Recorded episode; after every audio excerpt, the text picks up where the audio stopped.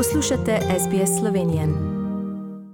Drage poslušalke, spoštovani poslušalci, poslušate slovensko oddajo na radiju SBS danes v soboto 9. oktober 2021.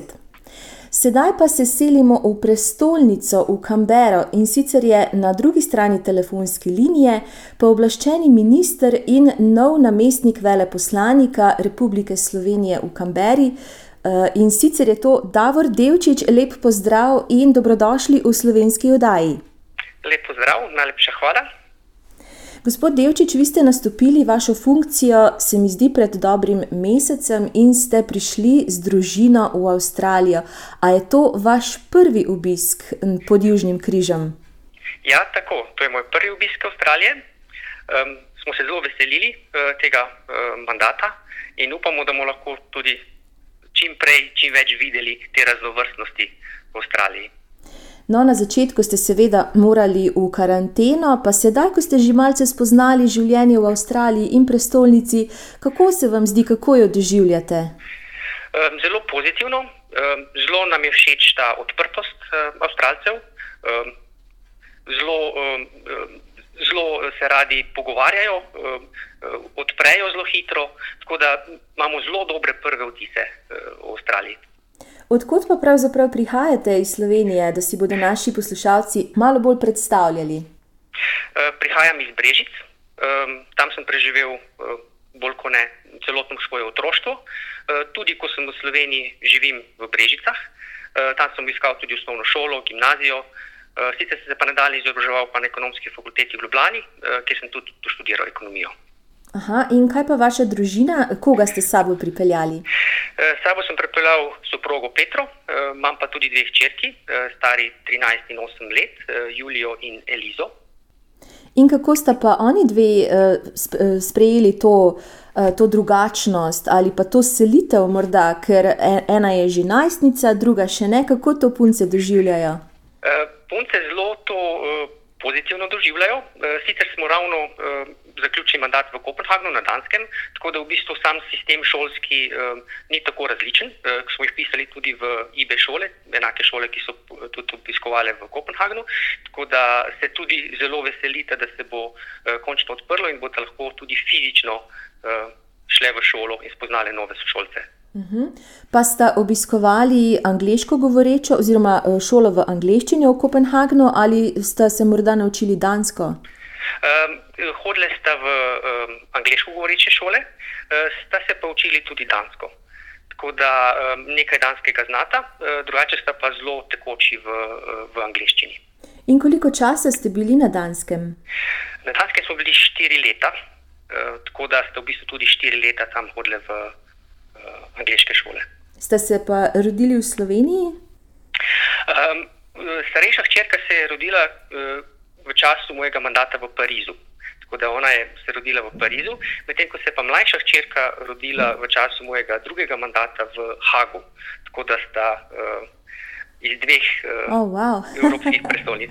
To je pa res zelo zanimivo, se pravi, francozinja in nizozemka, zdaj, če bi tako geografsko. Tako. Uh, kako pa doživljate te različne dežele, ali je, se je težko prilagoditi novemu načinu življenja? Kaj, kaj vas je najbolj presenetilo, ali pa morda kaj ostaja z vami, ste kaj odnesli iz Pariza, iz Haga, iz Kopenhagna in prenesli zdaj v Kambero?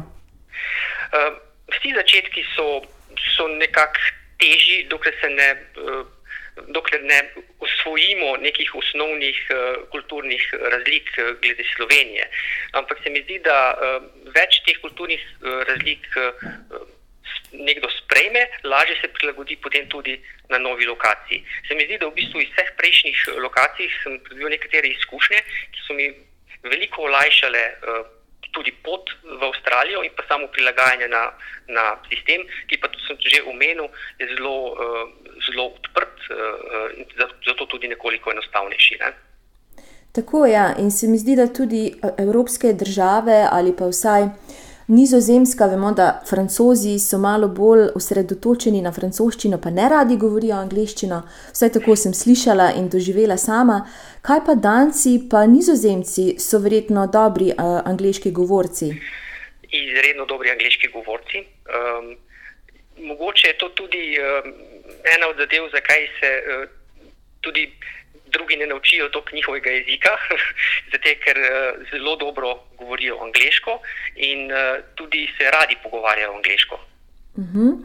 Kaj pa kulinarika? A ste tudi slovensko kulinariko prenesli vse te države in obratno, če ste kaj odnesli iz teh držav? Zagotovo. Uh, kulinarika uh, v vsakodnevni kuhinji je zagotovo slovenska. Uh, zelo, zelo radi pa uh, uporabimo kakšno kulinariko za kakšne večje praznike, tudi iz njihovih držav. O, a bi morda lahko kakšno izpostavili, zdaj, če vam kaj pride na misel? zelo, zelo specifične, vsaka država ima zelo specifične um, rečemo, uh, jedi za, rečemo, za božič, za, za novo leto. Ne. V Hagu vem, da je zelo tradicionalno, um, da se za božič naredil uh, um, poran. Uh, ki ga naredimo na poseben način, uh, nekoliko bolj enostavno kot v Sloveniji, ampak ga imamo zelo radi in ga tudi še pripravimo, mogoče ne le za praznike, ampak tudi še, še za kakšne druge priložnosti. In a imate domotožje sedaj po dobrem mesecu, ali ste že kot utečeni, nimate več, se ne ukvarjate s tem, ker ste pač toliko časa preživeli zunaj?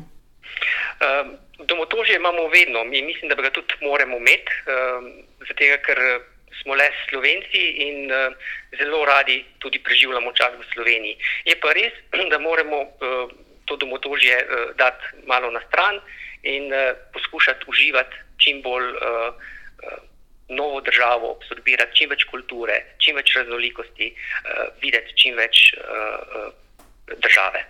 Uh mhm. -huh. Kaj pa, ko se boste vrnili nazaj v Slovenijo, morda razmišljate, da boste odšli še kam na tuje, ali je potem praksa, da ostanete nekaj časa v domovini? Um, sicer je praksa, da nekaj časa ostanemo v domovini. Um, je pa seveda tudi možnost, da gremo še kam v tujino. Zdaj, za naslednji mandat, zagotovo bomo še šli kam, zato ker um, to je diplomatski poklic, pač od nas tudi na nek način pričakuje, da gremo v kakšno, da v bistvu. Hodimo po uh, različnih mandatih v različnih državah. Uh, je pa zagotovo načrt, da po tem mandatu nekaj časa še ostanemo doma. Uh mhm. -huh. Kaj pa vaša žena počne? Uh, moja žena je pa uh, profesorica slovenščine in pa pedagogike, uh, in, ampak je zaposlena v Posavskem muzeju v Križicah kot kustosinja pedagoginja. Trenutno je njena pogodba uh, miruje in ko se vrnemo domov, uh, se, bo pa, se bo ponovno zaposlila na tem delovnem mestu.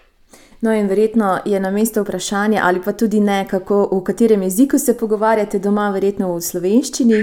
Seveda, seveda. Tudi soproga je slovenka, tako kot jaz, otroci slovenci, tako da je zagotovo slovenščina primarni jezik. Kaj pa ste se morda že, vemo, da sedaj, seveda v času pandemije, se ne moremo družiti in tudi Kambera je bila nekaj časa v lockdownu, pa se morda virtualno uh, povezujete s kakšnimi drugimi slovenci, ki živijo v Kamberi in Avstraliji? Uh, se, se povezujemo, smo se povezovali tudi pred, smo prišli sem uh, in moram priznati, da je. Uh, Zelo dobro, da uh, smo že predtem prišli v Kambero, uh, zelo dobro spoznali uh, slovence, nekatere slovence, in da še zdaj ohranjamo stike, in upam, da bomo tudi v prihodnje uh, uspeli tako dobro in tesno uh, se družiti. Ja, tudi mi si tega želimo, in seveda, potem, ko bo tega zaprtja konec, ne samo v Kamberi, ampak tudi v drugih državah, zvezdnih državah, še posebej pri nas v Viktoriji, ker smo sedaj po zadnjih podatkih najbolj zaprta država, najbolj zaprto mesto na svetu, tako rekoč. Da se bomo lahko uživo srečali, da boste tudi vi lahko doživeli, vi in vaša družina, utrip slovenstva tukaj pod Južnim križem. In seveda v tem duhu se vam najlepše zahvaljujem za današnji pogovor. Hvala, da ste si vzeli čas in seveda k malu nasvidenje. Najlepša hvala tudi vam. Želite slišati sorodne zgodbe? Prisluhnite jim preko Apple ali Google podcasta, preko aplikacije Spotify ali kjerkoli drugje.